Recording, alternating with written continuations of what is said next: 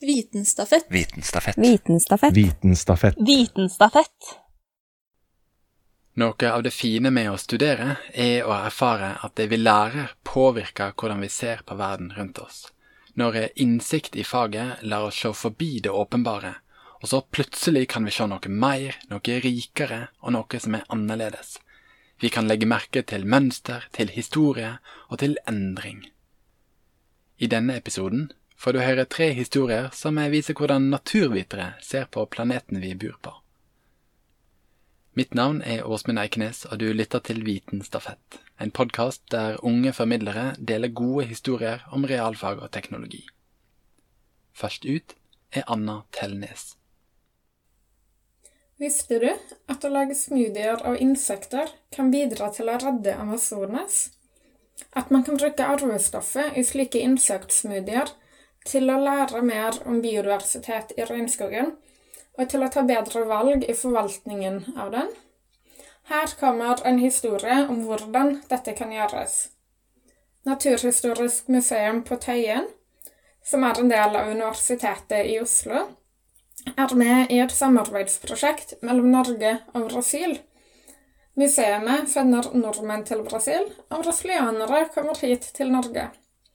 Jeg er så heldig at min masteroppgave er en del av dette prosjektet, og at oppgaven har inneholdt feltarbeid i Amazonas.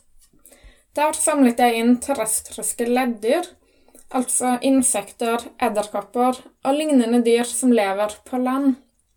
Metoden jeg jobber med, kalles for metabarkoding. Det er en relativt ny, men raskt voksende metode. Den går ut på å samle inn prøver med mange forskjellige organismer, for deretter å analysere DNA-et i prøvene og finne ut hvilke arter som er til stede. Man kan f.eks. bruke vannprøver, jordprøver, eller, som jeg gjorde, bulkprøver med alle disse leddyrene mine blandet sammen. Jeg fanget dyrene ved å sette opp forskjellige typer feller der alle fellene endte med at de drakk seg i hjel av 96% alkohol. Siden det verken er lovlig eller praktisk mulig å ta med mange liter med sprit fullt av eksotiske dyr på et fly hjem til Norge, så måtte jeg først jobbe litt med prøvene på en lab i Brasil. Her kommer smoothiene inn i bildet. Første steg var å fjerne alkoholen som er lettere sagt enn gjort når noen av insektene er knøttsmå, og du må ha med deg alle sammen. Men jeg fikk det til til slutt. Neste steg var å lage selve smoothien. Jeg blandet sammen disse frittgående, økologiske, bærekraftige insektene, de siste restene av sprit som hadde trengt inn i dyrene, og helt rent destillert vann. Men av en eller annen grunn så var det ingen som engang ville smake på smoothiene mine. Det var vel egentlig bra at ingen drakk de opp, for jeg skulle jo bruke de videre. De gikk gjennom en rekke prosesser på laben før jeg endte opp med kun tørket ene, som jo er en god del mer reisevennlig enn mange liter sprit. Hjemme igjen i Norge har jeg jobbet videre med dette DNA-et for å finne ut av hvilke arter jeg har fanget. Men for å redde regnskogen så er det ikke nok å bare vite hvilke arter som finnes. Man må også vite litt om økologien deres. Derfor har jeg gjort to ting. Den ene handler om hvordan jeg analyserer prøvene mine. Siden metoden jeg bruker, altså metabarkoding, kan se etter alt av DNA i prøvene, så kan jeg også finne ut av hva dyrene har spist, og hvilke parasitter de har. Dette samspillet i naturen er viktig å forstå når man vil bevare den. Den andre tingen jeg har gjort, handler om hvordan jeg la opp selve innsamlingen av dyrene mine. Jeg jobbet nemlig i et område med veldig mye landbruk. Bøndene der er lovpålagt å la en viss mengde skog stå igjen uberørt. Jeg ville finne ut hvordan denne skogen blir påvirket av at området rundt blir gjort om til jorder Derfor undersøkte jeg fem forskjellige steder knyttet til et slikt lite skogområde. To av stedene var et par hundre meter utenfor skogen. To var et par hundre meter inn i skogen, og ett var helt i midten.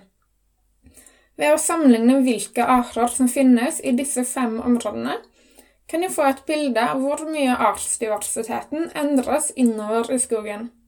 Om det viser seg å være mange flere arter i midten av skogen enn ved kanten, kan det bety at vi burde bevare store, sammenhengende skogområder. Om det derimot ikke er så stor forskjell, tyder det på at størrelsen ikke er så viktig, og man kan ha mange små områder i stedet. Dette har altså mye å si for hvordan vi velger å forvalte naturen. Det gjelder ikke bare for Amazonas, det kan være relevant for lignende økosystemer verden over. Forskergruppen min bruker metabarkoding for å lære om biodiversitet i flere andre land, annet her hjemme i Norge. Med mer kunnskap om hvordan økosystemer henger sammen, og hvordan de blir påvirket av menneskelig aktivitet, kan vi velge de mest effektive strategiene for å bevare mest mulig biodiversitet. På denne måten kan altså insektsmudier være med på å redde Amazonas. Vitenstafett. Det var biolog Anna Tellnes. Stafettpinnen går videre til Malin Nyfors. Tidlig en morgen i mai står solen oppover Oslo, slik den har gjort hver dag siden tidenes morgen. Solstråler treffer brosteinen på Karl Johan, danser oppover fasader og glitrer i vindusruter og morgentrøtte ansikter. Og når svimete Oslo-borgere med kaffekopp i hånden myser ut vinduet, faller blikket på en enorm rift som går gjennom terrenget. Ikke at de setter kaffen i vrangstrupen av den grunn, rart nok. Kanskje fordi denne riften er rundt 300 millioner år gammel. Den er også så stor og bred at det for et menneske som står midt i, kanskje ikke er så lett å vite at det er en sprekk du ser, hvis du ikke vet hva du skal se etter. For omtrent 310 millioner år tilbake i tid, mot slutten av den geologiske tidsperioden karbon, og fram til for omtrent 250 millioner år siden, inn i perioden perm, var det nemlig sterke krefter i jorda som forsøkte å dele det som i dag er Norge, i to deler. Jordskorpen ble strukket og revet i langs en linje som gikk fra Rena i nord til Skagerrak i sør. Dette gjorde også at området rundt Oslofjorden sank nesten fire kilometer. I sprekkene som oppsto, vellet det opp lava, som størknet både i gangene og på overflaten. Derfor vil du på geologiske kart over Norge Se et kileformet område fra Brumunddal til Langesund som lyser opp i en helt annen farge enn resten av landet. Dette området blir kalt Oslofeltet. Her finner du bergarter og strukturer som ikke finnes noen andre steder i Norge, og noen av dem er sjeldne selv på verdensbasis. Kanskje har du hørt om larvikitt, for eksempel? Larvikitt er en bergart som bare finnes i forbindelse med Oslofeltet, og ingen andre steder i verden. Larvikitt er en dypbergart og ble dannet av lava som fikk størkne langsomt i dype kamre og sprekker i fjellet.